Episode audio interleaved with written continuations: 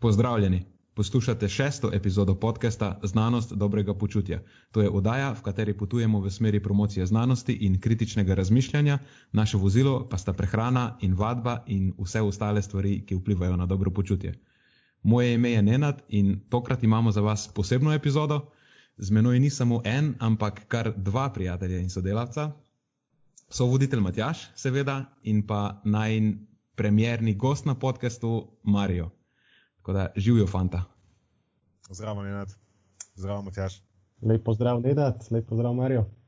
Ej, cool. Torej, stvar je takšna. Z Matjažem so se odločili, da enkrat na mesec na podcast povabiva gosta.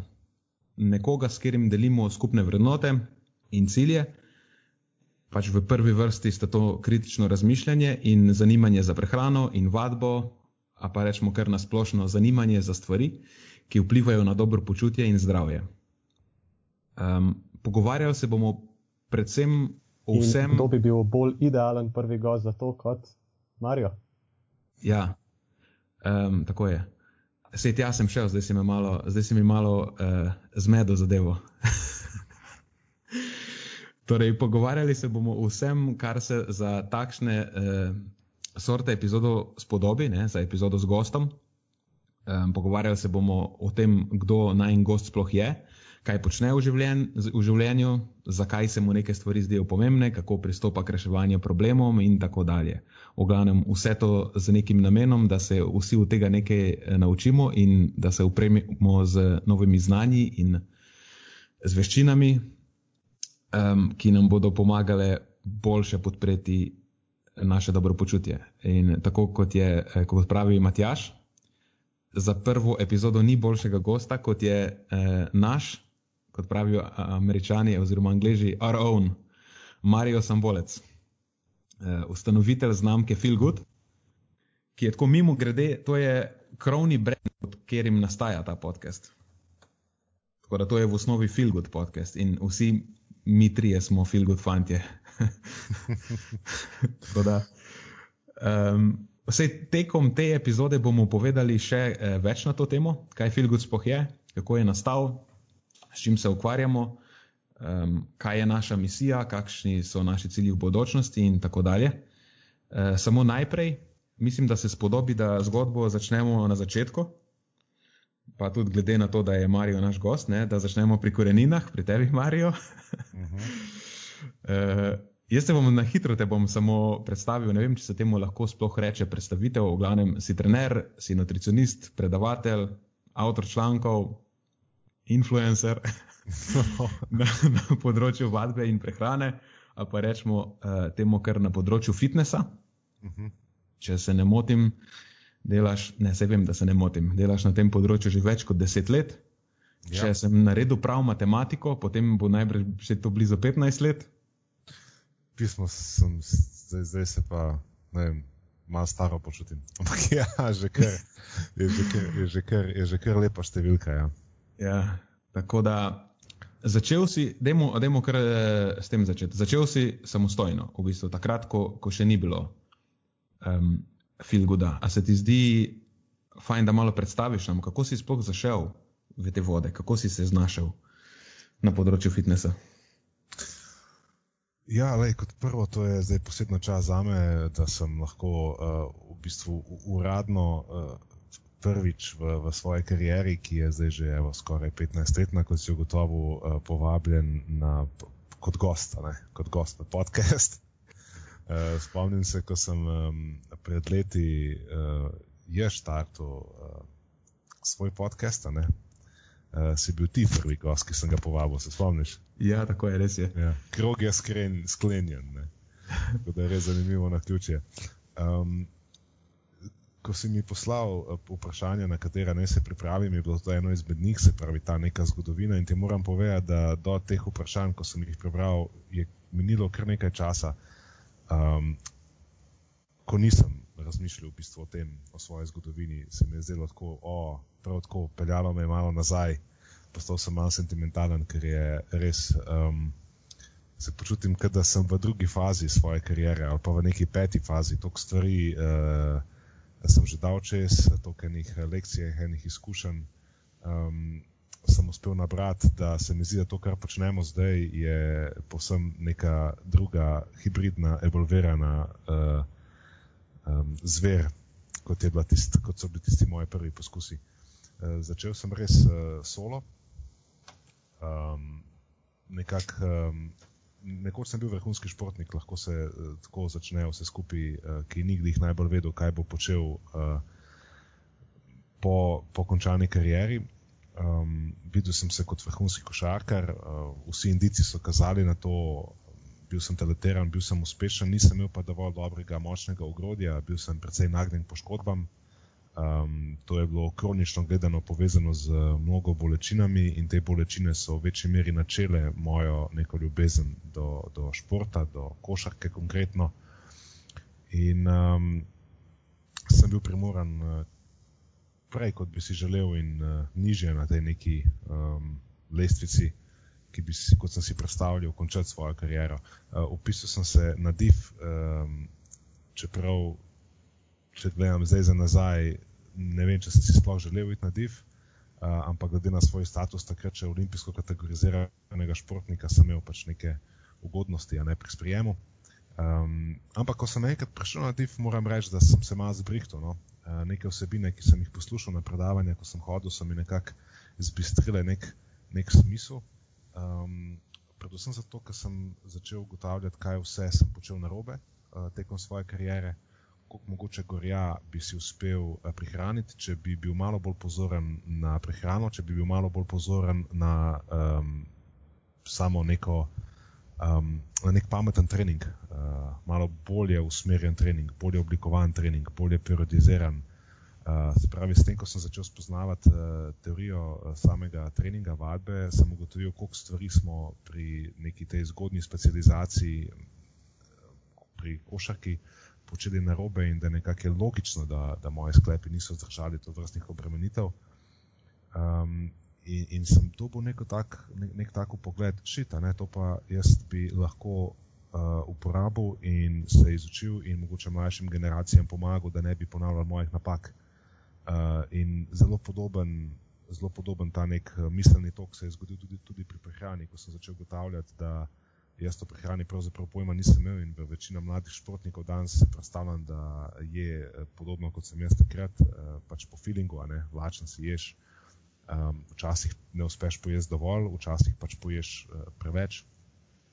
In posledično zaradi nekakšne uh, nezadosti energije ali pa nezadosti hranil, spet nekako uh, tvegaš uh, več, kot bi bilo mogoče potrebno že tvegati že odkud, kot neki panogi, kjer je tveganje za poškodbo in ne, se pravi, v vrhunskem športu, kjer treniraš vsak dan več ur na dan to tveganje že tako obstaja. No, to je nek tak moj kratek začetek, uh, kar se tiče same vadbe. Uh, kar se tiče pa same prehrane, moram reči, da je ta neka preusmeritev prišla, ko se je rodil moj nečak Aleksej. Um, oba ga poznata, ne, Face Dečko. Yeah. Ja. Pozdravljam, če slučajno to posluša. Uh, ko se je rodil, namreč je imel cel kupenih alergij. Um, in, in težav, vezanih, uh, zdravstvenih težav, vezanih na to. In jaz v bistvu v tistem obdobju, ko sem bil bolj usmerjen v športno prehrano, um, spomnim se celo vzdelkov, v tistem času so mi rekli prehranski leksikon. Um, sem nekako se res ponašal s tem, da sem znal nekatere stvari iz, iz, iz ne, literature na pamet. Um, ampak nisem znal pa rešiti nekih osnovnih problemov, uh, ali pa nisem ugotovil, sem, da cel kupenih stvari pri prehrani ne razumem kot sem jaz mislil, da jih, da obstaja neka druga veja prehrane, ki ni športna prehrana, ampak je prehrana nekak navadnega smrtnika, prehrana za, ne, ki, ki v bistvu se sooča z drugačnimi problemi, kot pa sem pač mislil, da v osnovi pri prehrani obstajajo, pač ne, ful dobro športati, pa dobro zgledati. Da je tukaj neka komponenta zdravja in dobrega počutja, ki sem jo v osnovi zanemaril, in to je nekako vodilo potem v preusmeritev um, mojega dela, ki je bilo v startu bolj individualno usmerjeno v ta nek performance nutrition, pa performance um, delo z športniki. Um, potem, kasneje, v malo širši pristop v, k uporabljanju, kot si sam rekel, ne, k uporabljanju prehrane in vadbe za namenom izboljšanja počutja in zdravja uh, nekakšne širše populacije, tako rekoč navadnih smrtnikov. Um, to se je pa dogajalo na DIF-u, na fakulteti za šport, seveda v tistem fitnessu, ki je še danes obstaja Sportklub. Uh, Tadej Majerle, sicer zdaj ni več uh, tam, um, ne vodi več tega fitnesa, ampak je bil prvi, ki mi je ponudil priložnost tam delati kot trener. Se spomnim, se spomnim še danes njegovih besed, ko rekel, da sem eden izmed najmlajših, ko mu je to možnost dejansko ponudil, zato ker sem bil, ne vem, ali tako ustrajen, tečen, uh, da enostavno uh, so vsi rekli, pač tam gor so takrat delale same. A veš, še danes uh, velika imena fitnesa, sta, staroste, ne, to je bila Eva Pogačnik, tisti, ki spremljajo bodybuilding in fitness, seveda vedo, kdo to je. Um, ne vem, potem je bil Marko Goran Lorencin, ki v Mariboru je, ne, zdaj deluje, pa po Ljubljani je zelo dobro, po, do, dobro poznan trener. Sploh so bili določeni ne, posamezniki, ki so nekako orali to, to, to gladino, ne fitnesa v tistem času in bodybuildinga. In jaz sem prišel tja zraven kot nek ne, lolek, novo pečeni, ne vem, 20, dobrih 20 ali kako sem bil že star. In sem poskušal nekako najti eh, svoje mesto v sebi tam. Um, istočasno pa so bili, moram reči, da časi popolnoma drugačni z vidika informacije, informacij, ki so bile na voljo. Takrat smo se še ne boste verjeli učili v knjižnicah. Uh, ne, pač dejansko smo se učili v knjižnicah, brali smo knjige, ne, uh, učbenike, tam smo nabirali znanje o anatomiji, o fiziologiji, ne, uh, o presnovi. Uh, mentorstev pa ni bilo na voljo, tako kot so danes. Enostavno se spomnim, koliko sem šel do, do določenih trenerjev in prosil za mentorstvo. A sem lahko samo zdraven, sem rekel, sem lahko samo zdraven, pa hodim vašim strankam po vodo, a sem lahko samo zdraven, pa ne vem, brišem naprave za vami, sam zaradi tega, da, da, da se naučim kaj. Ne? Pa najpogostejši odgovor je bil: ne, kvati pa je, ne bom jaz ne, učil svoje konkurence. Ne? Tako da v bistvu sem bil nekako primoran v to, da, da, da, da sam se v bistvu naučim na svojih napakah. Uh, in bilo je napak. Zdaj bom vzel pa pauzo pred tem, zato da ne, ne prevzamem tega podcasta in postane to nek monolog.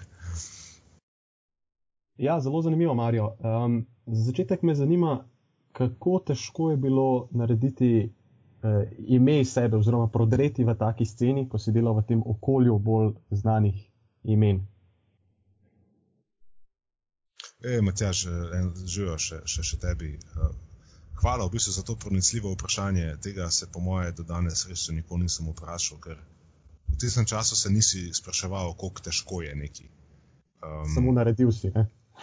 ja, ja, v tistem času pač ni bilo nekega precedensa, veš, da bi rekel, da bi se po nekom ne vem, zgledoval. Uh, te ideje, ki sem jih imel takrat, so bile uh, v večji meri zasmehovane in, in, in uh, nepoznane, tako čudne. Ne, ne da mi je nekoč rekel, se spomnim, zdaj bom malo preskočil nekaj časa naprej, da, da sem tako v smislu vizionar, da, da, da imam neke ideje, ne, sicer moji problemi so druge, da jih doskrat ne znam ali pa ne, ne spelam do konca, ampak Že takrat sem imel neke ideje, ko sem začel delati v, v fitnessu, v konvencionalnem, klasičnem fitnessu, sem ugotovil, kaj vse se mi tukaj zdi narobe. Um, zato pravim, da so bile zasmehovane, ker v tistem času, če si ljudje sploh znajo predstavljati, ko je bil pač ta stereotip osebnega trenerja najbolj uh, močno še prisoten, uh, so ljudje v tistih uh, dneh bolj kot ne osebnega trenerja si predstavljali kot nekoga, ki uh, tako je nekako širok kot avtobus, um, ne, stoji zraven stranke, ki potiska neke mašine in šteje ponovitve in se na njo dere. Uh, in, in, in, ne, tako, tako bolj ta, ta nek ne, nepriljubljen uh, stereotip je bil. Uh, in nisem nekako hotel biti ta konformist, ne, se pravi, nisem hotel um, biti tak trener. Ne, da pač je nekdo, ki ljudem govori, kaj ne delajo. Um, In jim zraven šteje ponovitve. In tudi nekako se mi je zdelo, meni so ljudje prihajali, ki so nekako imeli neke gibalno-motorične gibalno težave. Ne. Um, recimo, sedeli so dost, imeli so težave z ramenskim obročem, um, grbasti so bili po domače, lahko rečem. Imeli so težave z kroničnimi bolečinami v, v hrbtu, sledvenem delu hrbtenici, um, kolke so imeli zategnjene, um, niso bili nekako splošno gledano v neki dobri telesni kondiciji, pa zelo verjetno so imeli kakšen kilogram za zgubiti. Zdaj, če izhajamo iz tega, kar vemo danes, sam z neko telovadbo ne moreš dobiti kilogramov, oziroma je to zelo težko, praktično ne mogoče, če ne spremeniš ničesar pri prehrani. Druga stvar, ti cele dneve sediš v pisarni, ne? večinoma ljudje, ki se prehajajo k meni, cele dneve sedijo v pisarni, oziroma so zasedeni, težave, ki jih imajo, so posledica tega nekega življenjskega sloga, ker je ta nek usiljen, uh, usiljen položaj seda. In zdaj pridejo k meni in zdaj ne jih jaz tam ne pelem od ene mašine, kjer se sedi, do druge mašine, kjer se leži. A, a, štekaš, ne? Razumem. Ja. Nekako mi je bilo, ok, that does not make sense to me. Ne? To, to mi nekako ne. Se pravi, pri prehrani se je v tistem času delalo tako, da so trenerji pisali delnike, kjer je pisal za zajtrk, ne vem, jajca, vseni kosmiči, kosilo, riž, piščanc, riž, brokoli, a, a, a veš, malce proteinski šejk, 5-6 otrokov na dan, tega se sam Bog ni držal, veš, kaj, kaj pa še le nek navaden smrtnik.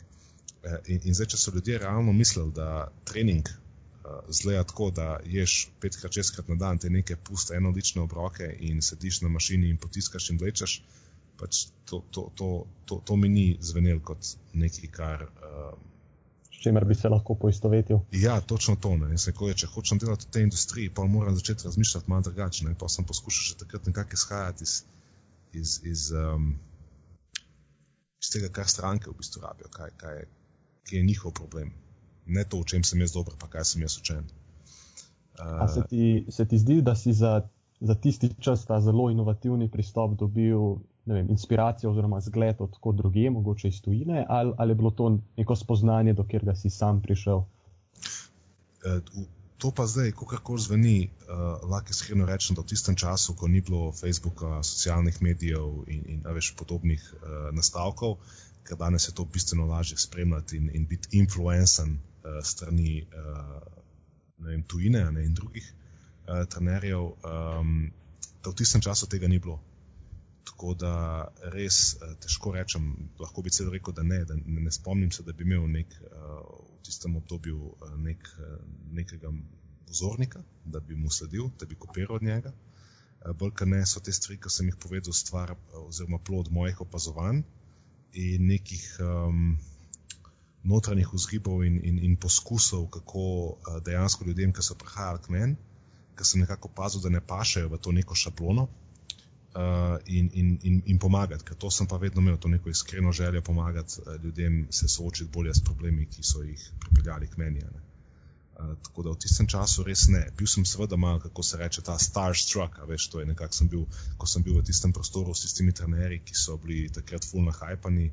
Um, in so imeli res full strank in so full računali, ne del tako. Veš, takrat je bilo zaračunati vem, 50 evrov na, na, na trening, uh, je bilo tako, da bi danes fakt računal 200. Ne. Jaz sem takrat delal za 5 evrov na predstavitveni trening, da si sploh lahko danes to predstavljal. Če bom še konkretno na 4 evre 17, bilo, ker takrat smo šli s tolarjev na, na, na evre in so pač naredili, ja, veš, Jurija tolarjev 4 evre, 4 evre 17, veš, da biš na predstavitveni trening. To je bilo to, delal sem pa računi, ne vem, po 10, 12, včasih celo več ur na dan predstavitvenih treningov. In polk ti dejansko imaš to možnost z tok ljudmi dnevno delati, dobiš v bistvu tako bazo, tako maso feedbacka, nekih povratnih informacij, s čim se ljudje dejansko ukvarjajo v vsakodnevnem življenju, kje so dejansko njihovi problemi. Da pa od tega ne moreš zanemariti več. In če nekako sestaviš koščke te sestavljake, gotoviš, da šit ta celoten sistem, ki ga mi prodajamo kot fitness, ima fulajnih problemov ne? in ljudje se tukaj noter ne prepoznajo. Ne? Um, tako da tu, tu sem jaz nekako, to je bil nekako moj, moj pogled, uh, ne, ne, ne, pa, ne pa kot plod uh, nekakšnega kopiranja uh, drugih. Se tukaj potem pridemo uh, na tisto, kar si na začetku si omenil, vmes uh, tvojo izkušnjo z primerom uh, nečaka, Alekseja. Uh mhm. -huh. Ko imaš dejansko neko, uh, rečemo temu, resnično osebo pred sabo, ki živi neko um, življenje svoje, um, pa je pod vplivom nekih drugih še dejavnikov, ki jih mogoče ne poznaš v, v celoti, potem neke stvari, ki si jih dejansko naučen, pa v, rečemo temu, popolni fiziologiji bi mogle delati, ker naenkrat več ne, ne delujejo. Ne? Ja. In to je potem tista razlika med tem eh, treningom in prehrano za performance, ko imaš enega, ki je recimo športnika, to bo Matjaš dobro vedel, uh -huh. ki mhm. vse, kar mu poveš, dela kot robot in je vse ostalo standardizirano. Ali pa če delaš z navadnim človekom, ki hoče samo optimizirati svoje, rečemo temu, dobro počutje. Ne?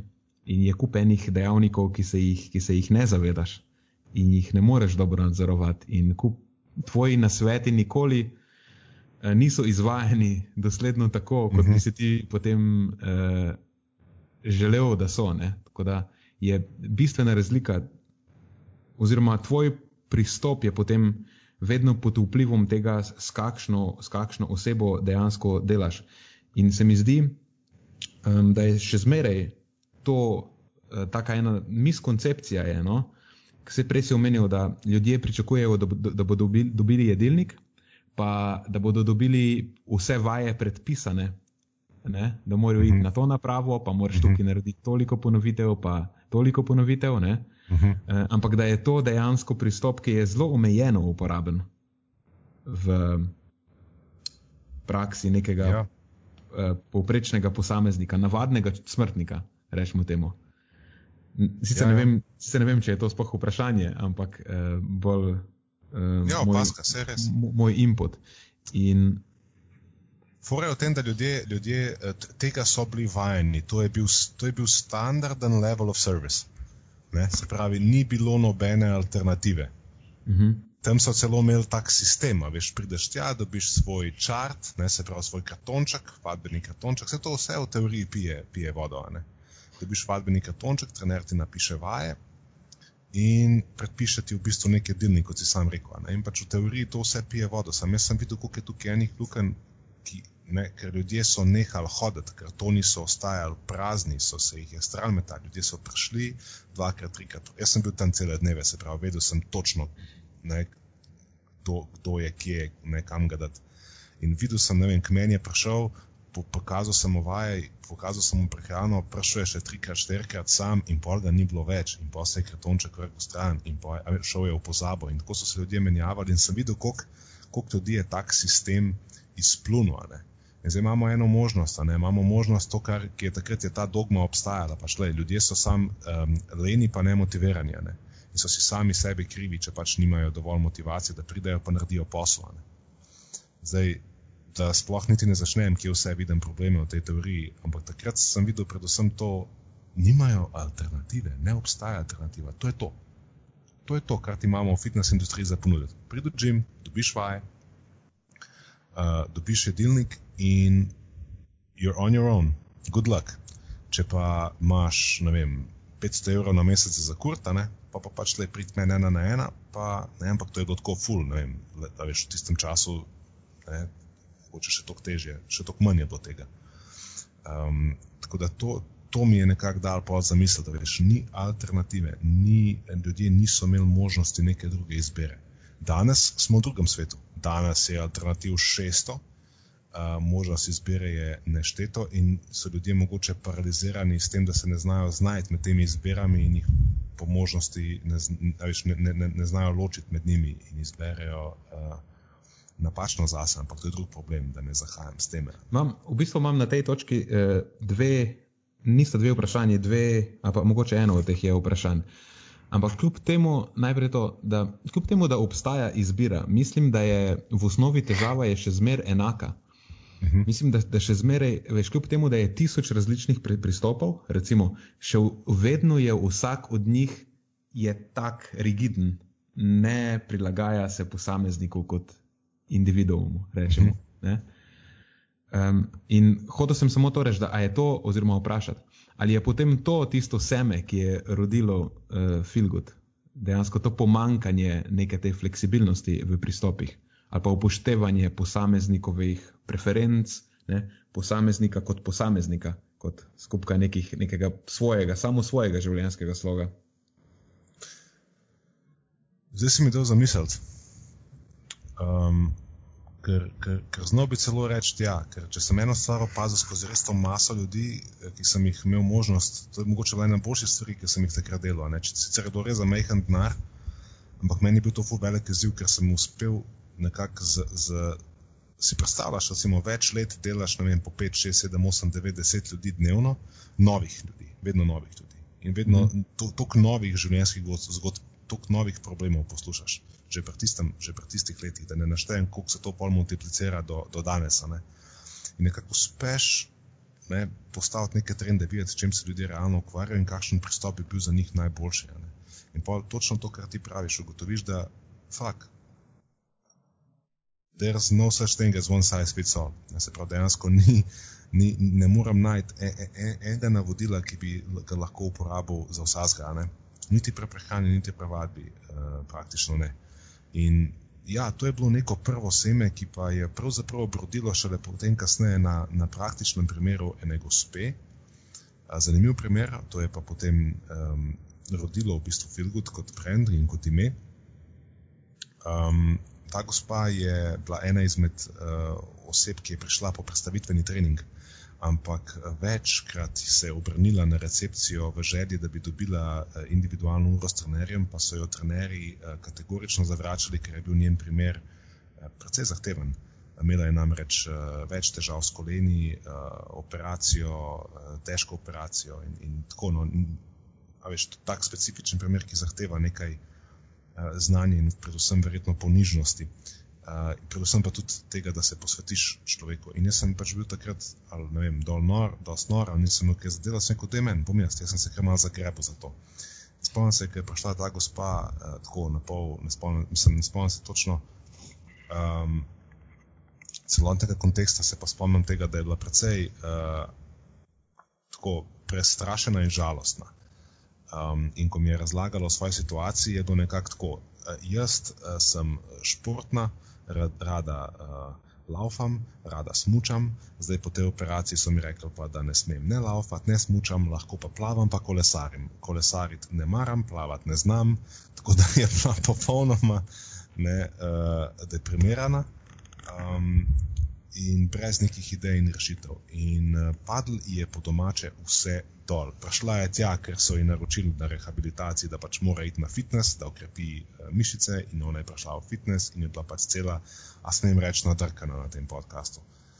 Lahko. Uh, lahko, ok, pač takšna, takšna je bila. No. Marijo, tukaj jaz, imaš proste roke, da proste roke. Evo, no, eksplicitno pač, imamo oznako, eksplicitno nosimo. Okay. Pač ja, veš, se, a veste, a, spodaj. A veste, kakšen je človek, ki je nadrkan, pač ima polno kapo vsega. In, uh, in zdaj bo on njej, ta nek 20-letnik, bo zdaj njej tam začel prodajati neke vaje. Jo, jo, ne, da stara takrat je ne 40, a veš, ono, ne da mi se, dosadno. No, in pa sem jaz nekako v tistem obdobju vzel ta primer, spomnim se, da sem šel k profesorjem na, na, na, na faksu, sem dejansko naredil domačo nalogo, sem se pozanimal, kaj kaj je potrebno paziti, kaj se svetuje, kakšne, kakšne so smernice, kaj pravi literatura v primeru, kakšen je protokol. Vse to sem jaz naštudiral in sem prišel k njej in sem jaz njej predstavil plan. Rekel, evo, ne, špela tukaj je plan. Plan dela. Ona je bila čist, čist bila presenečena, kva se pa gre tam mladiča, veš. Ampak, ok, bila je to očitno pripravljena mi dati šanso in sva delala in sva delala in sva delala in sva delala. In po, po, po nekaj mesecih, da skrajšam zgodbo, je bilo bolje in je bilo bolje in je bilo bolje in jaz sem nekako vedno, uh, vedno so bili ti treningi poleg vsega tudi zabavni in po ene šestih mesecih mislim, da je bilo, ko je um, se prvič zgodil tak večji napredek, ko je začela že jogati pa tako in mislim, da je bilo en let, ko mi je poslala sporočilo uh, sporočilo iz, iz Smučanja, nekje pač, na katerem je pisalo, ti si moj doktor Filguda. In mi, posla, in mi je potem treba tudi na majico natiskati uh, gor, ti si pač moj doktor Filgud, taka črna majica z belim uh, potiskom gor, darilo v zahvalo, pač, da sem mi nekako vrnil nazaj veselje in radost do gibanja, do športov, ki jih je imela rada. Ne. In uh, jaz sem bil v tisti fazi, v tem nekem izbiranju uh, neke, imena za internetno stran, hotel sem nekako svojo ponudbo, takrat smo imeli še vizitke, pa veš, kako bi sploh rekel svojemu brendu, ali bi bilo to Marijo ali karkoli že. In pa sem izbral to neko um, drzno, v bistvu nepremišljeno, stoprocentno nepremišljeno potezo. Nisem se vprašal, je to pametno ali ne, angliška beseda, karkoli že, lej, feel good, to je to, feel good bo. In uh, to je to, tako se je feel good v bistvu pol rodil, to je bil ta nek origin story ta nek v bistvu seme, ki si ga ti predstavil, se pravi ta želja potem, da se eh, posamezniku res eh, posveti in prilagodi uh, um, delo uh, in da se vrne ljudem to radost uh, do gibanja, da se jim predstavi alternativo, da šport mogoče za vse ljudi v osnovi se zavedamo, da ni najboljši način preživljanja časa, ampak da ne rabi biti pa taka muka, da ne rabi biti pa tak pain, ne, da ne rabi biti pa tak safer um, in samo za tiste, ki so neki sadomazo friki, ki pač bojo naredili vse, da bojo bili, ne vem, beach ready. Um, ampak da v osnovi je lahko tudi ne, fitness pa generalno zdrav življenjski slog nekaj, kar uh, lahko izpolnjuje tvoj čas in tvoje življenje in, in se lahko pač dobro počutiš ob tem. In evo, ne, to je bil ta začetek. Cool. Mislim, Meni se zdi, da je to zgodba o tem, kako so dejansko najbolj uspešne intervencije, pa bodi si to vadbene ali pa prehranske ali pa kakršne koli druge, so tiste, ki so človeku pisane na kožo. Ne? In tudi, če imaš neko popolno stvar, rečemo temu popolno zdravilo, pa ga recimo, da izumim zdravilo proti raku, pa ga noben ne more jemati, ker ga ne mhm. mara jemati, pa ga ne bo jemal, pa ga pozablja jemati, pa mu stoji tam na polici, nisem zares izumil zdravila. Ne?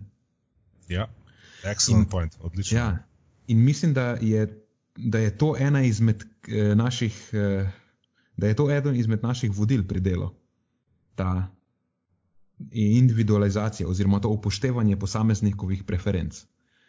Vem, ena izmed stvari se mi zdi, po kateri smo, pa recimo lahko rečem, da smo zdaj že znani po tem, je, da komuniciramo evidence-based, na izsledkih temelječe recimo, eh, informacije, oziroma da dajemo na, na, sveti, nekak, na svete, ki so nekako znanstveno osnovani. Ampak pri tem potem marsikdo pozabi, da, to, da so tvoji nasveti zares utemeljeni na neki, recimo, temu rigorozni znanosti, samo en del tega, da si ti dober evidence-based oziroma z izsledki podprt practitioner. Kako je to slovenska beseda practitioner? Sej trener ali pa svetovalec ja. ali pa karkoli. Ne? Mislim, da je to čisto mesto. Ja.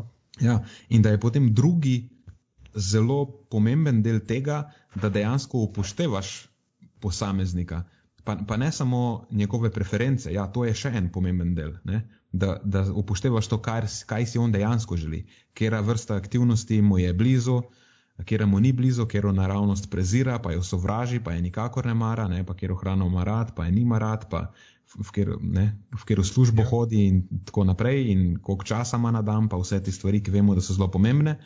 Ampak je med, tem, eh, med tema dvema točkama je še ena vmesna točka, ki je tista, kako ti dejansko te informacije prezentiraš. Ne?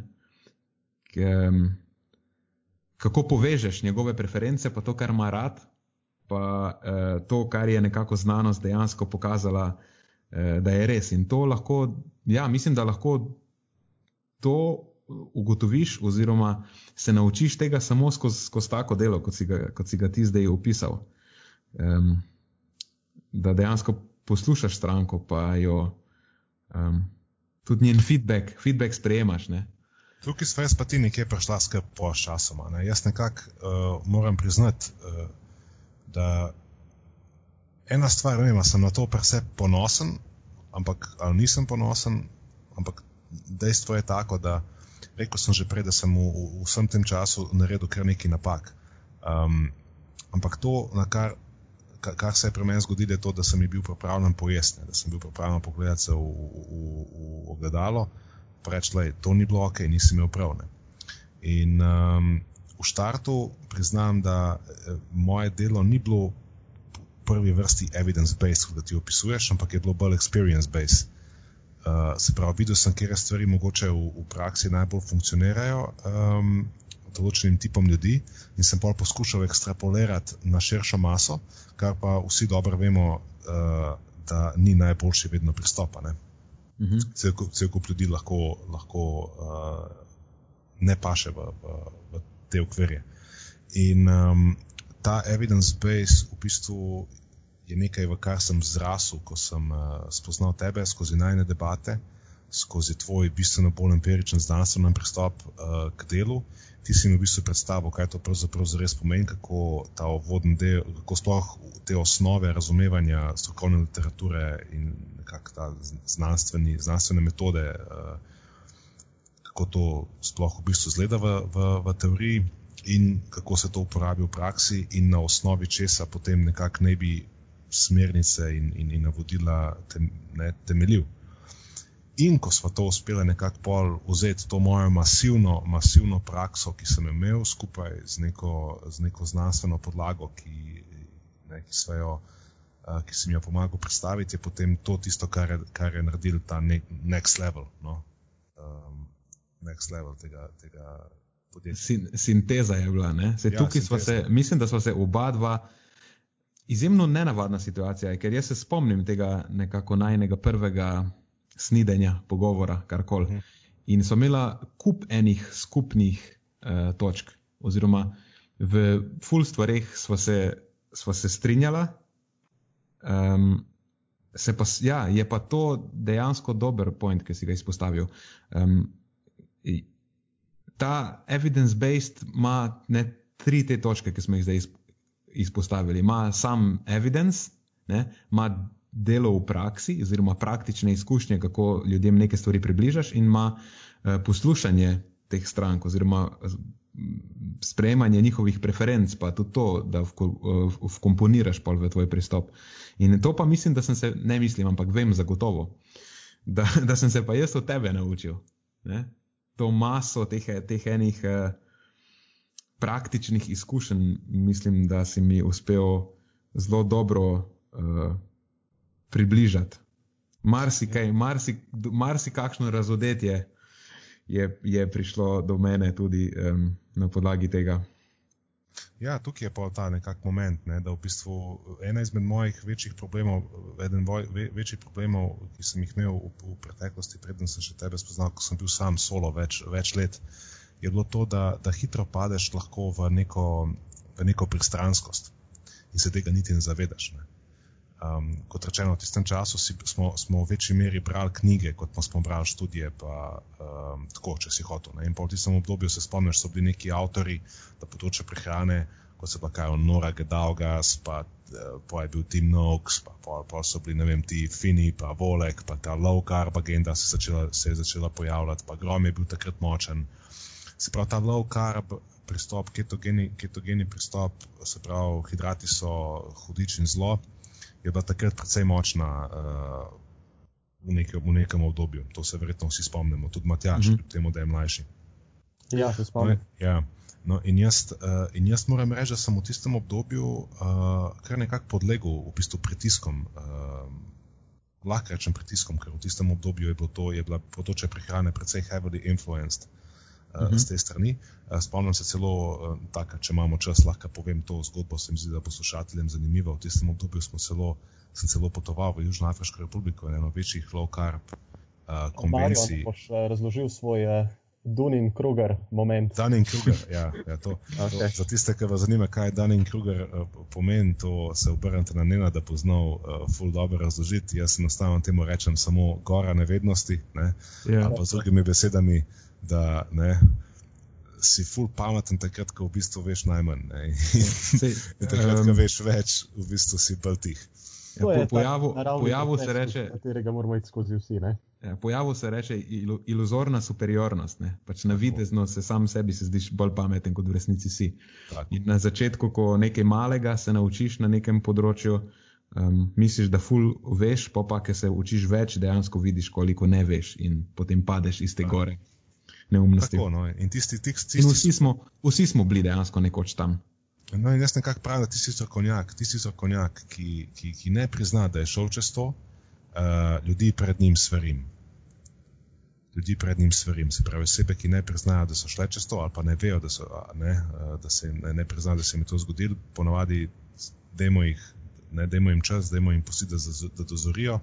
Če pa, uh, ker poznam starejše ljudi od mene, ki še vedno ustrajajo pri ne, svojih začetnih uh, nekih hipotezah in ne odstopajo, kljub uh, naraščajočim dokazom proti njim. Tako da to je, um, to je precej nevarno no, in spolsko področje. In meni je bilo takrat, spomnim se, um, bil sem star, ne, kaj pa 26, 27, ne vem več. In sem se odpravil na to uh, konvencijo. Ne, in takrat sem bil že tako, LCHF, influenced, kot rečeno. Ne, celo bil sem dlje časa na ketogeni dieti, meril svoje ketone v krvi, vse živo, spremljal bloge, Gašpere, Groma in podobne. In z ekipo, ki je še dan danes uh, nekako postavila LCHF in, in, in Keto na, na slovensko karto, zelo potoval skupaj na to Južnoafriško republiko in tam smo skupaj sedeli in poslušali te predavatelje, ki so bili tam, katerih knjige sem jaz bral. Um, good calories, bad calories, otopsa, pa why we get fat, pa ne se prav, to so bile te neke hipoteze, ki smo jih bili učeni, ki so bile predvsem močno zakorenjene in, in, in sponzorirane strani teh uh, posameznikov in tam jih poslušam govoriti, iz prve vrste jih poslušam govoriti. In, in, in z nami so bili, kot rečeno, ena ekipa, LCHF ekipa. In meni je bilo zanimivo, kaj se je zgodilo post-festum. Meni je bilo samo tako noro. Zdaj, ko sem prišel nazaj, uh, sem se vprašal samo eno stvar. Lej, kratek čas, pol dobiš samo potrdilo s svojim prepričanjem. Se ti zdi, da si izplezel na goro, zdaj si vse ti je fucking jasen, vse ti je jasen. Mislil si neki, zdaj si prišel tja, zdaj sam veš, zdaj si zacementiral. In uh, pol ugotoviš, če si dovolj odprt, če si dovoliš uh, imeti odprto glavo, če si dovoliš kritično ocenjevati svoje trditve in svoje prepričanja in se loviš um, in si odprt za nasprotujoče dokaze, kar jaz enostavno vedno sem bil, to je bila moja vrednota, najti tisto, kar je res. In uh, ko sem našel, da stvari niso takšne, ne, ko sem našel nekakšne konfliktne interese in, in, in, uh, in, in resnico v ozadju, se ti nekako svet malo podre, dobiš malo neko mini krizo identitete. Ne. In pa je bilo samo zanimivo, ne, da uh, šli smo nekako skupaj tja, nazaj smo prišli, pa jaz sem nekako popolnoma ponastavil svojo, svoje, svoja, svojo prakso. Uh, Čez zaradi sem začel nekako razumevati ljudi, biti bolj ponižen uh, in bolj previden v komunikaciji in uporabljati bistveno manj teh zihar 100% za vse, mož ne smeš. Ne? Um, določeni ljudje so pa uporabili te informacije, pa sam začel še, tako so šli pa 100% all in v, v to dogmo in, in uh, razvil v bistvu imperij uh, uh, od tu dalje. Ne. Tako da v bistvu uh, pojem te zgodbe je, da um, če, hočeš biti, če hočeš v fitness industriji zaslužiti full cache, pa ti je vse en za ljudi, uh, pol se pet uh, dogmatičnih pristopov. Uh, če pa hočeš pomagati ljudem, uh, pa pa pozabi na skrajne pristope, pa um, pozabi na to, uh, na to, da boš milijonar. Ne, pa, mogoče, pa mogoče sprejmi neke druge vrednote. Um, ja, prej si rekel, da če si dovoliš imeti odprto glavo, ampak mislim, da to ni nekaj, kar si dovoliš, da to, k temu moraš se prizadevati. To je težko imeti odprto glavo. To ni neka de de default nastavitev človeška.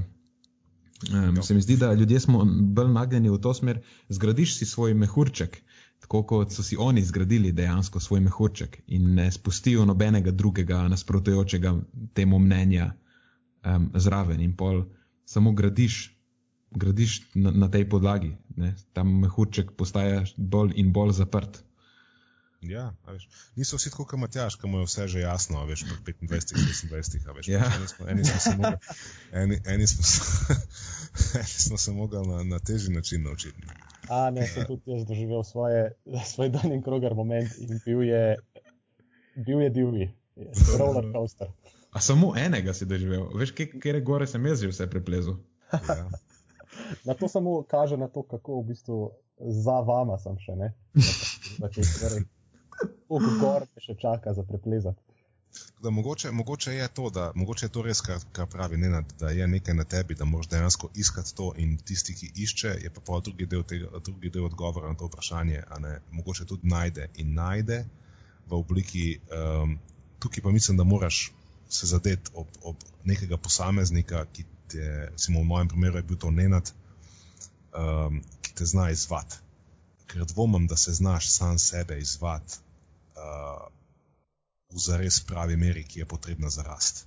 To je pač samo moja hipoteza, da mogoče, mm. mogoče govorim iz svoje riti, ampak mislim, da je potreben tisti nekdo, ne rab to biti um, ne, nekdo, ki ga poznaš. Lahko sam zadaneš ob, ob, ob nekega posameznika, ki ga spremljaš, uh, ki, ki te zna spraviti ne, do tega, da, da, da si bolj kritičen, kot bi mogoče bil sam pripravljen biti do sebe, če, če te ne bi nihče izval, ker nisem mm. pripričan, da sam sebe znaš. Lej, tudi, ko treniraš, bodimo realni, ko greš trenirati, najboljši trening, največ stisneš iz sebe, največ daš takrat, ko treniraš z nekom ali pa ko te trenira nekdo, Um, Ej, ful, dobro, ful dobro, da si zavil v tej smeri, ker sem točno to sem hotel zdaj izpostaviti. Um, Vse mogoče malo na drugačen način, ampak, ampak dejansko točno to. Da, to je en tak paradoks. Ljudje smo zelo slabi v odločanju o stvarih, ki so nam pomembne, ali pa, um, ne, ki, ki, reč, ali pa ki rečemo, za kere rečemo, da, da se nam zdijo pomembne, pa ne, smer, v kateri želimo iti. Spoh, pri prehrani in vadbi doskrat rabimo nekoga, tudi če dosti vemo o tem, tudi, tudi če smo mogoče dejansko mi trenerji na področju vadbe, smo sami sebi doskrat slabi trenerji, lahko ne. In rabimo v zvezi s tem pogosto nekoga, ki nam pomaga situacijo bolj objektivno oceniti, pa nam povedati, kaj je prav. Ker ja. zase, včasih zase, pač vplivam si, eh, ne vem s čim, ampak z nekimi subjektivnostmi in zase enostavno ne znaš dobro odločiti, ne vidiš, ker si ujet v momentu. In potem nekdo od zunaj, dosti lažje ti eno stvar eh, pomaga videti, pa sprejeti boljšo odločitev. Ja. Ne, se mi zdi, da, to, da ma, če imaš dobrega trenerja, ali pa ne vem, svetovalca v prehrani ali pa v čemer koli, v neki stvari, tudi konec koncev biznis coacha, um, če je posel neka stvar, ki ti je pomembna, uh, je točno to je prednost tega, da imaš nekoga, ne, idealno je ta nekdo zelo objektiven, že ne, po svoji osnovni nastavitvi. In potem ti lahko vi, pomaga videti neke stvari, ki jih sam enostavno ne vidiš, kljub temu, da si, recimo, strokovnjak mogoče na tem področju in zato imajo, ne, koči svoje koče. Ja. In mislim, da je pri vseh stvarih tako, tudi, tudi pri, pri učenju dejansko rabiš nekoga, ki te izziva. In se, potem mi dva točeva z Matjažem skozi v, v teh epizodah, da moraš aktivno iskati ljudi, ki se s tabo ne strinjajo ali pa ki ne, imajo neke Tako druge, druge ki, poglede. Ki te izzovejo, ki te kipajo ja, in če po angliži temu rečejo. Če smem deliti eno zgodbo ravno iz tega naslova. Zdaj, mm -hmm. Marijo, ti si rekel, da si prišel mogoče iz malo bolj praktičnega ozadja. Um, pri delu s strankami, jaz uh -huh. pa mhm. po drugi strani sem v ekipo prišel, mogoče malo bolj iz te, tega znanstvenega ozadja, pa mi seveda ta praktični del eh, ni bil tako blizu. Um, in ena izmed prvih stvari, o katerih smo se mi ta pogovarjali, Marijo, ne vem, če se spomniš, enkrat so se peljala proti Džimu, da so šla delati s strankami, uh, -huh. si, si me ti izval ne, z eno zelo, zelo pomembno mislijo. Um, in to je ravno to, da sem izhajal mogoče malo bolj te znanstvene osnove, ampak tudi ta znanstven način podajanja informacij, če je pretirano strokoven, je lahko na nek način uh, nekoristen. Se spomniš tega? Spomnim se. Ja. Ja, spomnim se. Olej, poslušal si me takrat, jaz mislim, da se sam s sabo pogovarjam. Pa, potrudil sem se, no, nekaj sem si izpisal o ključnih točkah iz tega pogovora. Ker to mi ljudje včasih pravijo, ker so okoli mene. Ti včasih, da se sam s sabo pogovarjaš, ti se vse sam s sabo zmeniš. ja, ja, uh, se, se ti zdi, um, to, to misel bi rad delil, ker se mi zdi, da, je, um, da si jo zelo dobro takrat povedal, pa če bi lahko malo bolj razložil ta trenutek. Oh, hvala ti, ja. uh, seveda ne pozabim tega. Um, moje, moje opažanje je bilo, ne, da trenutno živimo v nekem svetu, kjer uh, so se z njim večkrat pogovarjali še prej. Uh, kjer v bistvu zdaj smo razdelili svet komunika ne, komunikacije o prehrani ali pa kjerkoli drugi temi na, na, na nek način evidence-based, se pravi ljudje, ki komunicirajo bolj kot ne uh, strokovno preverjene in znanstvene. Ampak, ampak pazi, te lahko samo na te oprosti, ki ti skačemo besedo, sem, ki se mi zdi, da ja, je evidence-based, nisem ja. pravilno uporabil, ker to ne pomeni pravzaprav za res evidence-based. I know, I know you. Ja, ne samo hotel sem, da, da, da, da um, ker je zelo dobra, dobra smer, ker se zdaj ta zadeva razvija, ja. samo dobre temelje bi rad postavil. Ne? Ja, nisem ja, ker, uporabil te besedne zveze. To, to, to, dost, to je ena izmed, e, izmed miskoncepcij. Ne? Eno je science-based, ja. eno je pa no. dejansko evidence-based, ki, ki upošteva tudi, kako se te um, stvari komunicirajo. In to, da nekdo komunicira preveč strokovno, dejansko ni nujno. Ni evidence-based. Ja. Ja, ni, ni, ni, ni, ni sploh dober pristop. Ne? In se, se upam, da smo tekom te debate zdaj že nekako to uspeli približati. Tem, to, lahko, se, lahko, se, lahko se popravim, ja, to je res, bi se rad popravil. Vse sem takoj, kar sem rekel, vedel, da me čaka, čaka prekinitev. Um, Da si super, tako so ja, poslušalci ja. dobili pogled, kako zadeva tudi poteka veš, v, v pisarni, ko se mi pogovarjamo. Se upravičujem. No. Uh, Hotel sem v bistvu reči, da, da eni komunicirajo preveč, preveč uh, uh, gimpovsko lajčno in zavajajoče. Primer, moraš jesti nek prah, da se razstrupiš, ali pa moraš jesti uh, ne vem, veš, neko stvar, ali pa moraš jesti petkrat na dan. Ampak to so ti gimpovski uh, nasveti, ki nimajo nobene osnove v resnici. Uh, primer, ne smeš jesti po šesti, moraš jesti ve, velik zajtrk. Veš, to, to, to ni nujno res, ne, tega se zavedamo. Pač te, te stvari niso nujno resnične. Ampak, če pogledamo, kaj je, kaj taka informacija lahko nekomu sproži. Ne. Zdaj, pustimo to, da ona ne drži v bistvu, ampak če jo nekdo upošteva, uh, pa zares nekaj jesti po šesti, pa mu v osnovi mogoče lahko celo nekako pozitivno vpliva na njega. Mogoče recimo, da zmanjša energijski vnos, posledično shujša, bolj spi, kako. Lahko slabše, ampak lahko tudi boljše. In, in, um, ampak generalno tisti, ki se ukvarjamo s strokovno, recimo mi, nam grejo taki modeli, ki to govorijo zelo na živce. Ne? Zelo nam gre na živce, zato ker to, kar govorijo, pa sam ni res. Ne, ne moreš tega govoriti masi, ker pač je. Ne? Toliko enih nijans, ki vplivajo. No, po drugi strani imamo pa, imamo pa ta prekomerno strokovni način izražanja, ki pa eh, lahko zaradi prekomernega fokusa na malenkosti zanemari vpliv teh informacij na množico. Ne? Naprimer, naprimer ne vem, telo lahko porabi za proces gradnje eh, novega mišičnega tkiva samo ne vem, 0,55 gramov na kilogram telesne teže, se pravi več kot 50 gramov beljakovin za 100 gramov težkega posameznika, nima smisla pojesti na, na obrok. Ali pa um, dodajanje vitamina D je lahko problematično v tem, pa tem, pa tem. Kakorkoli je to lahko podprto strani neke strokovne literature, če se zanemari uh, vpliv teh informacij, ne, kako to človek dejansko sliši, ki to posluša, ne, je lahko prej negativno. Mogoče bo človek, ki že tako, tako ne poje dovolj beljakovin, bil zdaj še bolj pozoren, da ne poje preveč beljakovin na obrok in se prikrajšal za generalno dovolj beljakovin čez dan.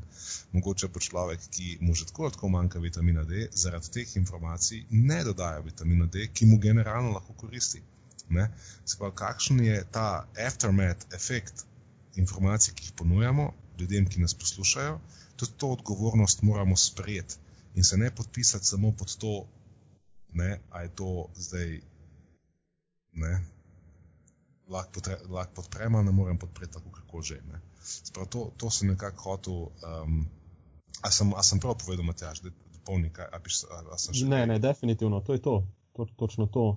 In se mi zdi ena tako pomembna informacija, ki, ki jo morajo tudi drugi slišati ker je bil za me to eden izmed, eden izmed tisočih aha momentov, ki sem jih doživel uh, v tem času, ko vajo poznam. Da, da v osnovi je v bistvu resnica, kako smo mi že zapriseženi k resnici, ne, včasih je to resnico potrebno malo prilagoditi ali pa zanemariti, uh, za, uh, če imamo v mislih nekak višji cilj, ki ga ima stranka. Ne. Se pravi, mi smo zapriseženi k temu, da stranka, s katero delamo, doseže svoj cilj. Ne, to je za nas pomembno. Ne pa, veš, cilj ni, da imamo mi prav, cilj ni, da mi povemo, kar je res.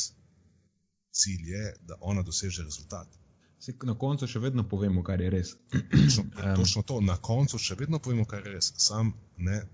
Ja. Pojem ti pa, kako podajamo informacije. In, in to je predvsej pomembna, pomemben del tega, kako posameznika vodimo. Ker če, če, če smo samo, če, če podajamo informacije, ne zavadajoč se, kako jih človek sliši, um, in kako jih upošteva in kaj z njimi naredi. Um, tukaj se doskrat zgodi ta nek make or break. Ne? A se nek nasvet uh, razume in upošteva v pravem kontekstu, ali se ga zanemari, um, če ni podan um, primerno. Ja, in mislim, da je, da je to tista razlika, ki potem loči dobrega od slabega koča ali pa mhm. svetovalca. Uh -huh. In točno to je tisti drug, druga oziroma tretja točka evidence-based pristopa, ne? kako te informacije dejansko ti potem prezentiraš svoji stranki, kaj bo ona odnesla od tega. Ker nekomu lahko rečeš 0,55 um, grama na kilogram telesne teže je količina beljakovin, ki jo moraš pojesti pri enem obroku za, za maksimalno sintezo mišičnih beljakovin. Ne? pa je, je tako nek inženir, ki je tako naštiman, da si bo to znal prešteti, pa ve, kaj to pomeni za njegov dnevni vnos beljakovin. Um, recimo nek Matjažev športnik. Uh, Máš pa eno, ne vem, tam teto, ki jo pa to samo odvrne in te neha poslušati na tej točki. In ji moraš te stvari drugače približati. Uh, in se ja. mi zdi, da, da večina ljudi je takih, ki, ki jih tako pretirano strokoven. Uh, pa ne vem, če je to strokoven, sploh prava beseda za to. Ampak dejansko tak, um, te zapletene besede, pa številke, pa kjer ti probaš izpasti. Ja. ja, pa kjer ti probaš izpasti full pameten, kao jih, de, jih dejansko odvrača. In um, je umetnost na tej točki potem postane naše delo uh, umetnost.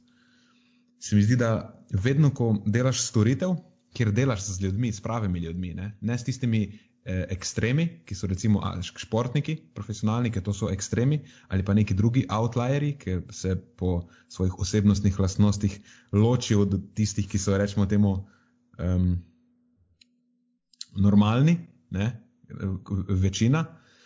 Um, ja, postane tvoje delo umetnost in moraš biti malo manj mogoče strokoven v moraš prilagoditi način, način komunikacije, moraš povezati na eni strani to uh, trdo znanost, rečemo, in moraš povezati ta mehki pristop, uh mhm. -huh. kjer veš te stvari povedati. In to je nekako, mogoče, evo, to je bo zdaj en tak prehod.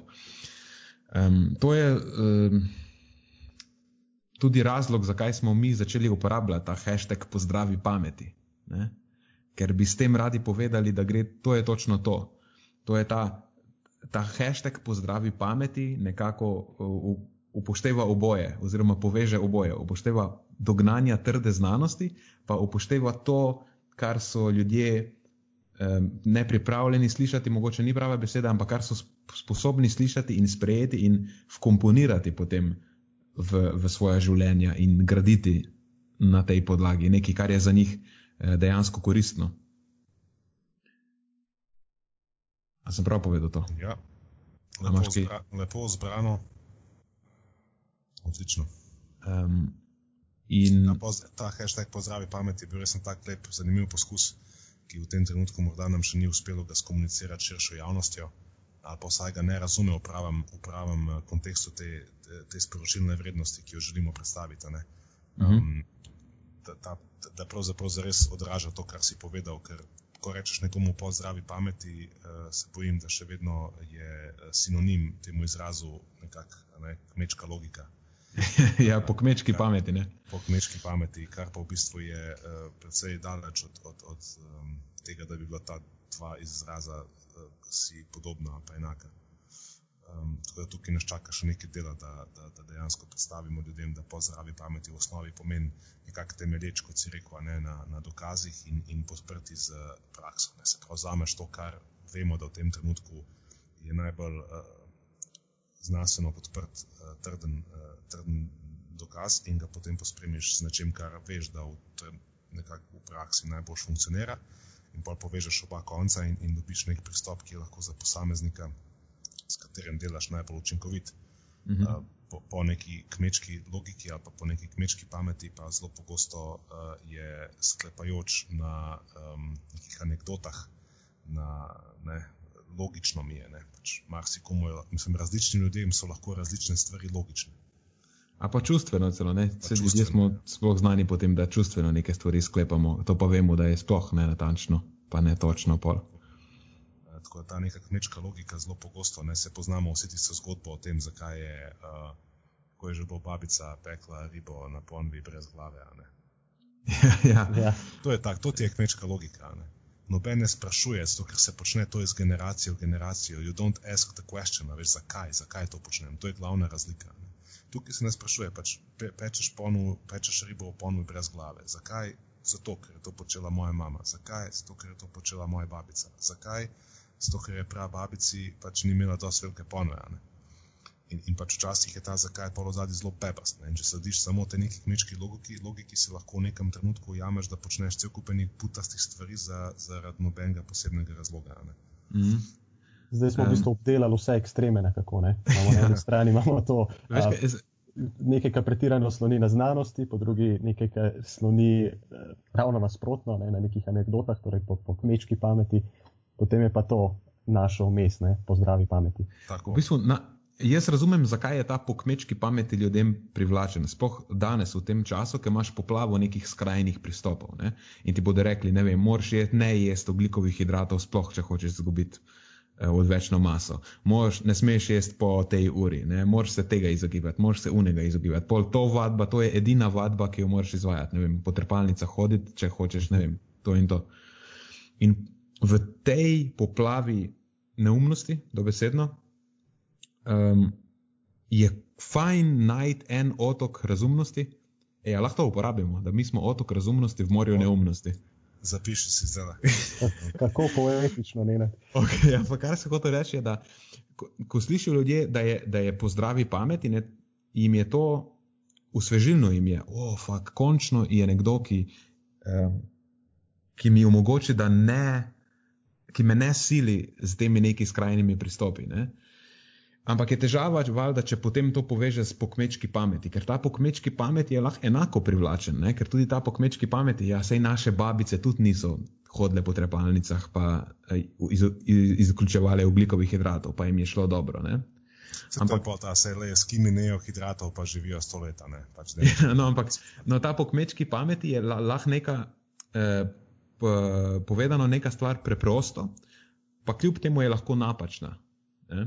Ja. Ampak še zmeraj je ljudem privlačna, zato ker jim jih malo olajša tega uh, čundra, pa vsega, kar, s čim jih uh, nadlegujejo ti razni fitness guruji in uh, uh, pač ti skrajni pristopi. Uh mhm. -huh.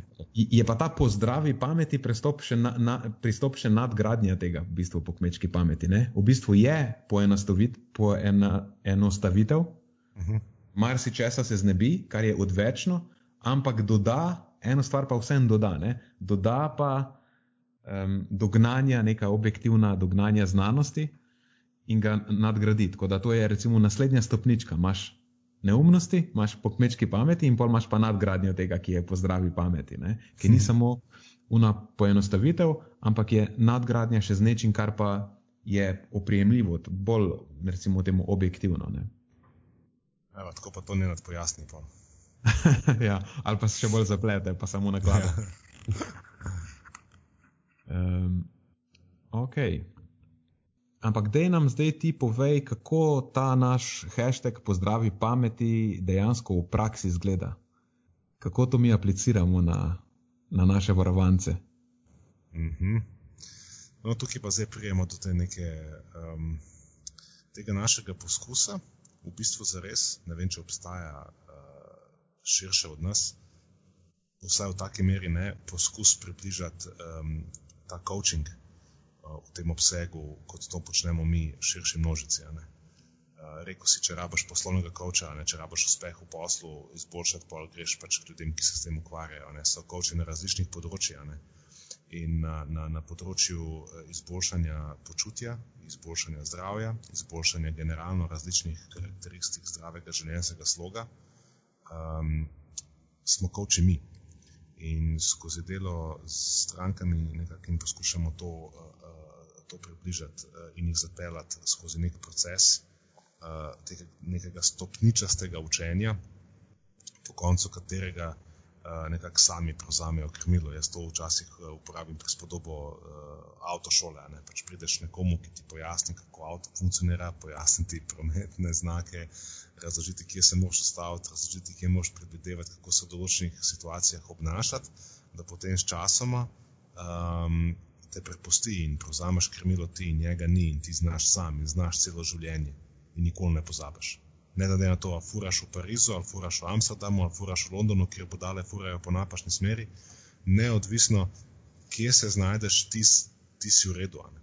In tudi, če se zgodi nesreča, se znaš pobrati, veš, pač, ne, ne, ne nehaš furati za, za do konca življenja. Ne.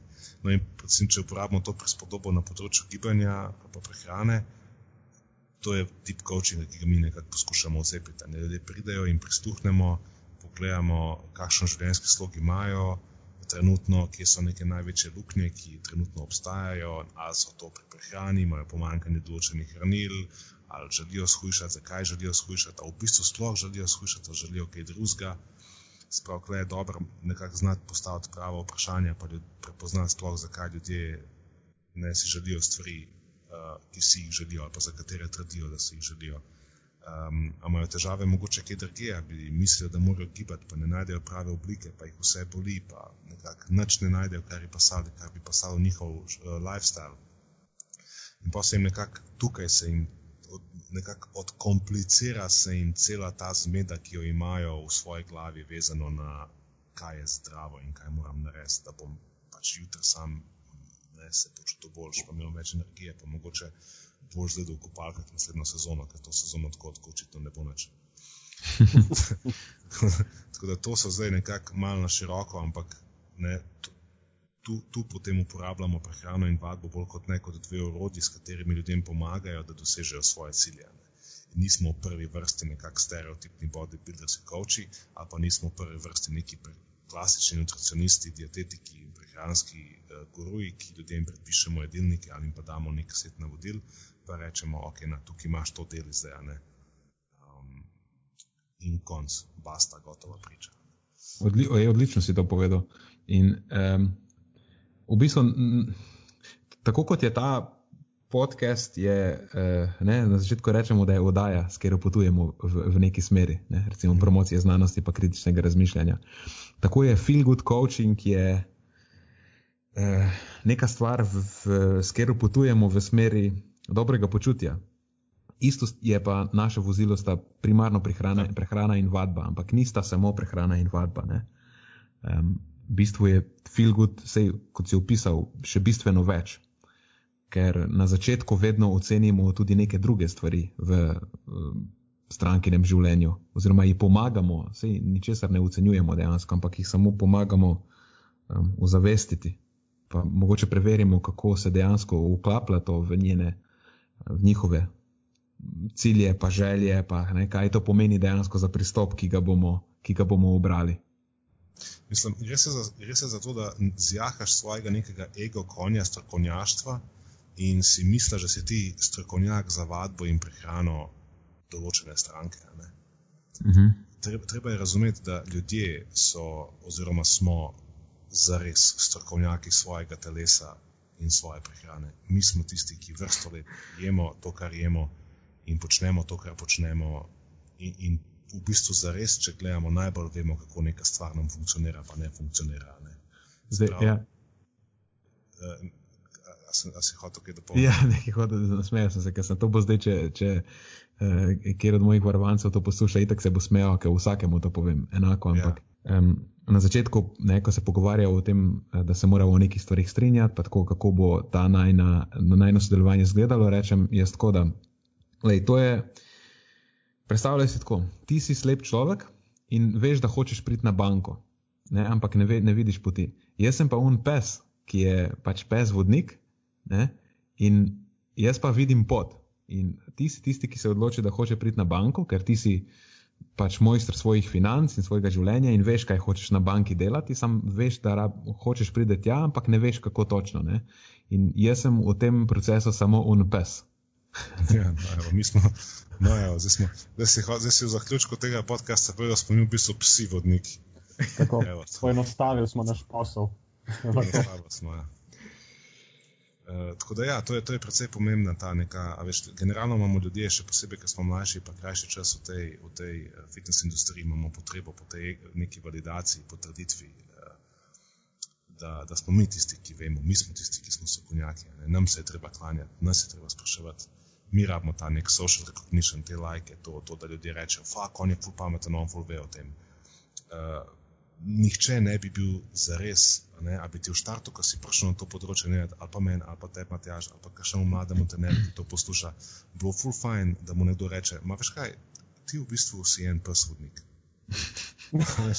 ni, ni, ni to neki, ni to neki, what? Veš, ne, jaz hočem biti the, the boss, jaz hočem biti the man. Samo, Uh, psi vodniki so zelo visoko šolani psi. Ja, no, vse, ampak hočem reči, da ni neki, ni neki kraj.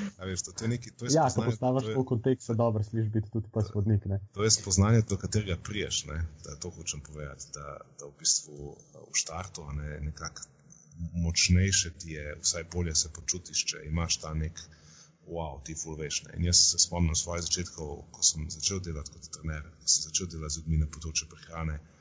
Um, koliko sem bil prvičarski in zaverovan v svoje informacije, ki sem jih podajal, da, da enostavno ljudje so sicer mi ploskali, ko sem jim začel naštevati neke, neke podrobnosti, ampak noben tega ni upošteval in moj success rate, ne, se pravi neka uspešnost takrat, je bila mizerna. Ne. Uspel sem pomagati tomu enemu ali pa dvema na vsakih pet, šest, ki so prišli, ki so bili res zelo visoko motivirani, pa bi zelo verjetno uspeli tudi brez mene.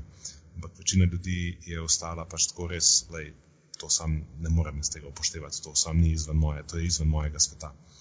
In, in, in um, tukaj recimo je ta analogija, ki si jo uporabil, ne, predvsem na mesto, ne, da nekako razumeš, know your place, ne, razumeš, kaj je tvoja vloga v tem procesu.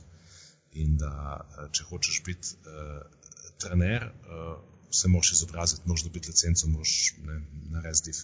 Če hočeš biti dober trener, ne, pol, ne, moraš biti pas. ja, biti. Vse, o tem se pa, o tem smo se pa, kdaj je bilo to, včeraj, ne, predvčeraj. Ja. Ne, bo včeraj. Po, ne, bila smo v BTC-ju, na kavi. Sem bila na kavi, ja. ja. Ja, takrat, ne vem, da niso v istem gospodinstvu, ampak se veš. Ja. ja, pogovarjala so se o tem, da eh, ta predelnik dober um, v bistvu pomeni dober človek, moraš biti. Ne? Lahko si trener na visoki stopnji ali pa trener na nizki stopnji ali pa svetovalec na visoki stopni, oziroma nek strokovnjak za prehrano na visoki ali pa na nizki stopni. Ampak nič od tega ne določa, ali boš dober v delu z ljudmi. Moš biti dober človek najprej in potem si lahko dober strokovnjak na visoki stopni.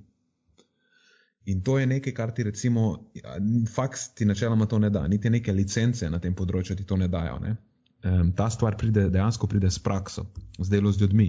Um, ko uspeš razviti neko mero empatije, pa nekih drugih veščin mogoče, um, da začutiš, je najbrž prava beseda te ljudi, s katerimi delaš. Takrat dejansko lahko postaneš dober trener ali pa dober svetovalec ali pa dober pezvodnik.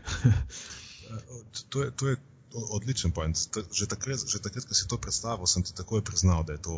Uh, Da je, to, da je to odličen point, kar sem hotel samo nekako nekak dodati, je, da, da samo zavedanje, da se zavedaš, da, da to obstaja, da se zavedaš, da so to veščine, ki, ki jih je potrebno razviti, tudi če jih mogoče, tudi če jih mogoče nimaš. Ne. Ker v štartu jaz nisem bil slab človek, v štartu svoje trenerske poti jaz nisem bil slab človek, ampak sem bil slab trener. Mhm. Jaz zdaj nisem ne, uh, dober človek, zato da sem božji trener. Sam imel sem toliko odprto, ali pa nekako sem bil tako pripravljen uh, raziskati to področje, pa si priznati, da nisem imel prav v preteklosti, da s tem nekim zavedanjem, da moram zrasti, ne, če hočem izpolniti to vlogo. Um, to je tisto, kar je mogoče narediti razliko. Mhm. Da, kaj, kaj ja, ja, mogoče dober. Se zdaj razmišljam, um, ker marsikdo si lahko to narobe predstavlja. To ne pomeni zloben, veš, če nisi dober, da si zloben. Ne? To ni ta razlika.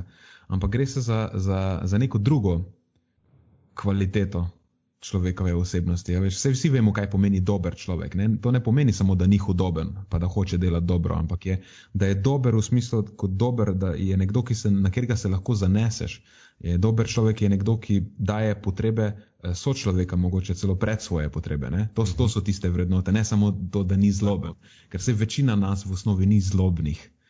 Ampak samo to, da nisi, da nisi zloben, ne? pa si mogoče naiven, še ne naredite. Um, dobrega človeka v tistem pomenu besede, kot nekoga, na katerega se lahko nekdo zanese. Tako. In ko ti prideš k, eh, k trenerju ali pa k svetovalcu, ki dejansko je v poziciji, ki bo zdaj prevzemal odgovornost za tvoje zdravje, ali pa za en del tvojega zdravja, pričakuješ od njega, da bo dober človek, ker mora dati tvoje potrebe pred svoje lastne potrebe. Ne, pred svoj ego in pred svoje vse ostale stvari to je zelo velika odgovornost, ne, ki jo je potrebno sprejeti. Tega se tudi včasih, ko si mlajši, niti ne zavedaš v celoti, ne, kaj, kaj, kaj v bistvu zares um, zahteva od človeka, ki pride, ki pride k tebi. Um, to ni mala stvar, prehrana je zelo, ali pa gibanje, čustveno nabita tema. Ne, in, in nekako, uh mhm. -huh. ljudje tega ne jemljajo z levo roko, mi mogoče pa, v, smo, če smo mlajši ali pa trenerji, ki delamo z več strankami, pa mogoče si misliš pač kot po tekočem traku. Pač. Ja, ja, valjda vem, jaz kaj ti rabiš, ne ti, ker predvsem le bomo mi to skušali, predvsem naredi se sled, spi malo proteinčkov, pa bomo zrihtali. To, to, to, je, to je en tak zelo, um, zelo problematičen mogoče pristop, katerega lahko zapadeš. Uh, če, če nisi pozoren. Mm -hmm. um, in takrat, ko so se o tem pogovarjali, spomnim se, da so se pogovarjali tudi o tem, uh, da je to ena izmed glavnih stvari, ki dejansko manjka v teh raznih kurikulumih, bodi si na faksu, bodi si pri nekih licencah, ki učijo trenerje, svetovalce uh, na tem fitness področju. Uh, in so nekako, mislim, da prišla sva do zaključka, da je to ena stvar, ki se, ki se nam dejansko zdi, zdi pomembna, ne? pa ki bi si želeli, da je um, igra bolj prominentno vlogo v um, izobraževanju teh ljudi v prihodnosti. -huh. Zdaj, kako da je točno do tega prideti, um, ne vem, če veva glih. Um, ampak recimo, da je to neka stvar, ki je v, v svetu te naše misije, je ena izmed ali ne. Sej, sej, uh, to sem jaz nekako se mi pogovarjala, da je naš, naša ideja, da bi uh, redefinirali ali pa vsaj dvignili na, na višji nivo ta, ta trenerski poklic, ki mislim, da ima zgubo en, en velik del vrednot uh, s to neko, popula, s to neko um, masovno, masovko. No? Uh, da je pač kot trener se lahko identificira vsak, ki vodi nek, ne, od, skupinskih vad, bootcampov do piše jedilnike, prodaja za masne pare. To, to je vse zdaj že kar v, v, istem, um, v istem rangu. Ne? Mm -hmm. nekdo, nekdo, ki ima neke težave, za, katerega, za katere potrebuje trenerja, potem ne, se težko tukaj notri znajde. Tako da je bila neka ideja, uh, pogovor naj ne šel v tej smeri, da bi Filgud res želeli, da na dolgi rok ne, nekak, je to smisel našega dela, da uh, uspemo nekako, sam si preko, kar je, kar je pomembno, uh, da ločiš pač dobrega človeka, slabega človeka, dobrega trenerja, slabega trenerja, da znamo ločiti dobre trenerje od pač, ne bom rekel slabih trenerjev, ampak od trenerjev. Ne. Mhm. Uh, in, in da nekako znamo ljudem, s katerimi bomo delali, mogoče tudi na dolgi rok imeli neko lastno licenco. Um, odcepili te neke vrednote, ki so, ki so pomembne, um, glede na vse izkušnje, ki smo jih dali čez, pa vse, kar smo spoznali, da, bo, da bojo ljudje, ki, bojo, ki delajo z nami, ki imajo stik z nami, se zavedali pomena tudi teh nekih, lahko rečem, mehkih veščin, mogoče nekih drugih komponent, ki niso zgolj samo trde informacije, ki jih imaš, uh, ki, pa lahko, uh, od, ki pa lahko igrajo odločilno vlogo v tem, ali bojo um, stranke, s katerimi delamo, dosegle in uspele obdržati rezultat, ali pač bojo samo dosegle rezultat, pa ga bojo pol po jojo učinku izgubile, ali ga pa niti ne bojo dosegle. In, in to neko prevzemanje odgovornosti, prej si rekel, postaviš potrebe drugega človeka pred svoje lastne potrebe. Ja, ne.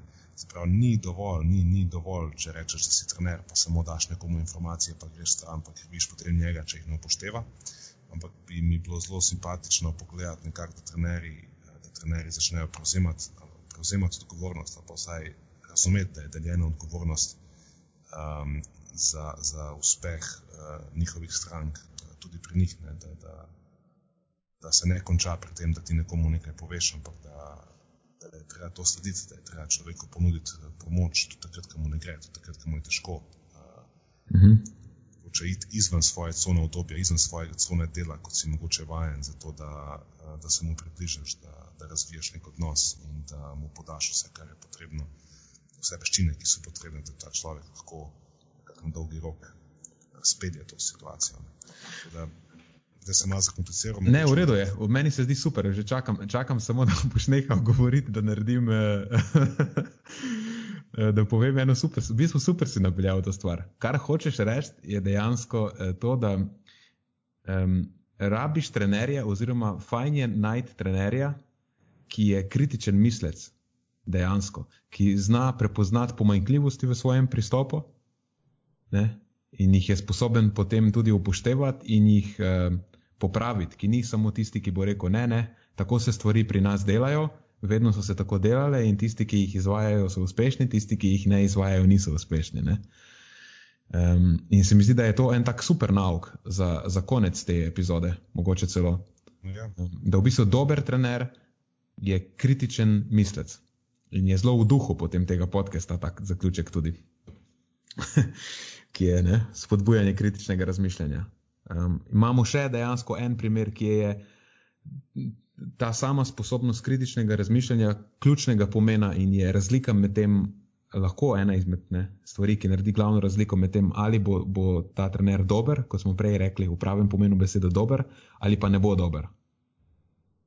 Definitivno. Mislim, da je to dober um, epilog te zgodbe.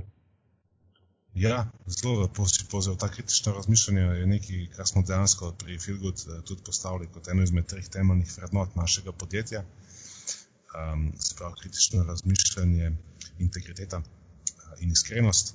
In uh, če govorimo zdaj o tem, da je kaj, kaj dela nekega trenerja, dobrega trenerja, potem bo to kritično razmišljanje mogoče celo od vseh teh treh vrednot uh, na prvem mestu. Um, tako da se strinjam posem s tem, kar si povedal. Super. Ok, pa pa um, že smo, snemamo enih ur, pa pol bo skoraj se mi zdi, da je to ena taka kulturna zdaj že. Mogoče malo že presegamo celo to besedo kulturno. Ja, zelo, ampak je pa že dokaj ustaljena dolžina. Ja, ampak je glih ta prava dolžina, ja, tudi se sklada z vsemi ostalimi um, podcasti zdaj. Je po moje fajn, da to zadevo počasi zaključimo. In se tebi zahvaljujem, Marijo, da si, si, eh, da si, si vzel čas za najo, da si podebatiral z nama. Ja, hvala za povabilo. Res, ja. evo, to je nekaj, kar ne bom pozabil. Prvega ja, ne pozabiš nikoli, druge spremljen. Ja, ampak meni se zdi nenavadno, si zihar, da je prvi. Jaz, jaz se nisem bil nikoli na nobenem podkastu, me ni noben povabil. Uh, tako da zdaj, evo, mogoče bomo odprli zdaj. Pri nas je bil ti podcast, kralj, veš. Uh, ti si, ja. si podcast, veš. Ja. Tako da, veš. Ja, ne vem, kaj je. Ne tako ostane. Ne mene ostane. vabijo. ne tako ostane. Ja, vse se bomo zihar, se bomo v uh, prihodnosti še kaj na tem podkastu sestali. Plan je tak, da mi dva z Matjažem povabiva enega gosta na mesec. Uh, in ko bo en krok okoli, pol, lej, boš spet povabljen, brez skrbi. Bomo, se, že, uh, se že veselim. To je, to je, ja. Tako da zdaj nam ostane samo še, da se uh, poslovimo, da povabimo naše poslušalce, da nas spremljajo do naslednje epizode na naših eh, kanalih, ki jih tako ali tako mi dva z Matjažem skozi oglašujeva. Um, na Instagramu smo zdaj zelo aktivni, vidim, da tudi uh, Marijo, ti si začel producirati zelo uh, uh, vsebine. Hvala za priznanje. To je ja. zelo izven moje cune obdobja, to veste, da jaz nisem nekak, najbolj nek Instagram tip, ampak gled, če si mi rekel, da sem influencer, veš, pa moram nekako pravičiti to svojo vlogo. Ja, dobro, to lahko. Uh, lahko pričam v tej zgodbi. Yeah. Ja. Pogosto se nahajam za kamero, ko snima Marija. Ampak, hvala, Matjaž, hvala, Matjaž. Se pohvaliti, Marija, vedno boljš ti gre, vedno boljš ti gre. Tako, tako da to zdaj. Ja, ja. Tako da to zdaj morate spremljati na, to je mario.filgut. Ne, tudi naslednji teden, to je ene vrste pritisk zdaj na Anga, da naslednji teden ne more popustiti z, z prezenco na Instagramu, ker ga bodo vsi poslušalci spremljali. Um, mi dva z Matjažem sva tako kot skos, še vedno, matjaš.filgut in nenad.filgut na Instagramu, na Facebooku, dajte se pridružiti naši skupini, to je Filgut skupnost. Um, tam vas pač obveščamo o tem, kaj se pri Filgutu dogaja. Uh, ti tam tudi najprej izveste, oziroma dobite naše aktualne vsebine, se vedno tam najprej pojavijo. Drugače pa, če imate kakšno vprašanje, če si želite sodelovati z nami, potem je najboljši naslov info at filpomišljajgood.com, tega pa upravlja naša menedžerka Vesna, če se ne motim, ona dobi eh, vedno sporočilo in potem ga razporedi med nas, kakor se ji zdi primerno. Tako da, eh, Tako, ja. naš, to, je, to je to z ja. naše strani. Tako, da se še zahvalim Mariju za ta uh, odličen pogovor. Uh, hvala tudi vsem poslušalcem. Zdaj pa Nenad, mislim, da lahko zavrtiš tisti outro iz Bad Boysov in smo zmagali že danes. Ja, da, ja, da naslednjič ostanete premišljeni in se slišimo. Adijo.